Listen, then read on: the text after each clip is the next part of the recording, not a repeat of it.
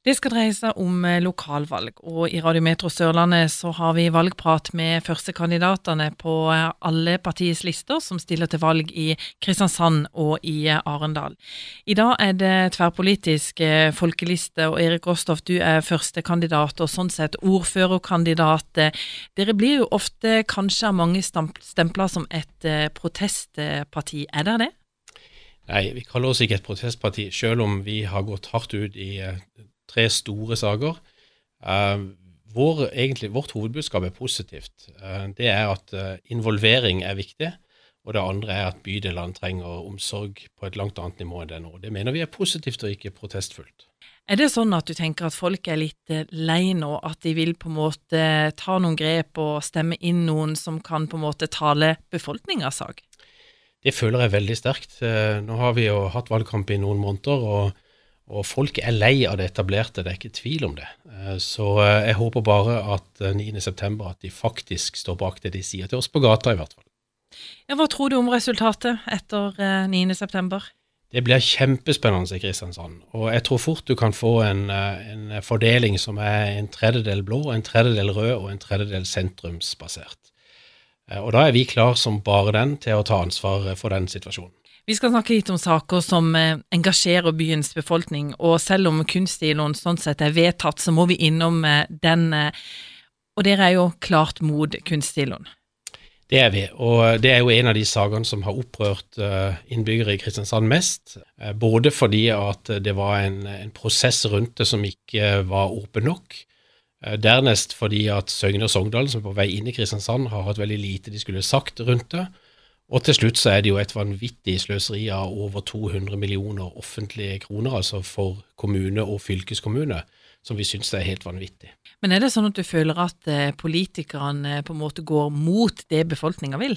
Ja, jeg, altså i, i, denne situasjonen så føler mange av de som har tatt kontakt med oss, uh, seg på den måten at uh, 80% av politikerne faktisk egentlig bare har 20% støtte i befolkninga. Så det, det, er nok blitt et, et, faktisk et akademisk problem for å forklare Eh, at politikerne kaller det mot når de gjennomfører sånne type ting, mens jeg mener jo at det er mangel på lytteevne. Vi skal snakke litt om eh, bompenger eh, også. Er det sånn, tror du, at det vil bli dyrere med bompenger i Kristiansandsregionen?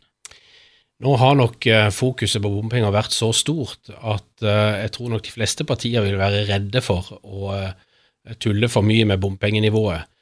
Eh, så, så jeg, jeg, tror nok også fra regjeringas side så er det nå klare signaler på at de vil eh, støtte mer til.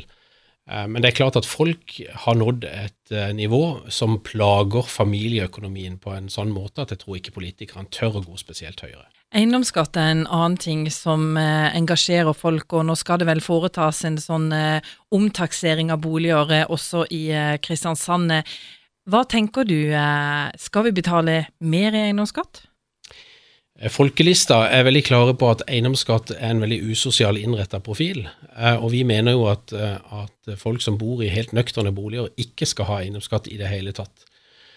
Det ønsker vi å gjøre ved bl.a. å ha et solid bunnfradrag i, i, vårt tilbud. Og vi ønsker også at eiendomsskatten skal helt fjernes, men vi baserer oss nå på i neste valgperiode å redusere den med 10% per år.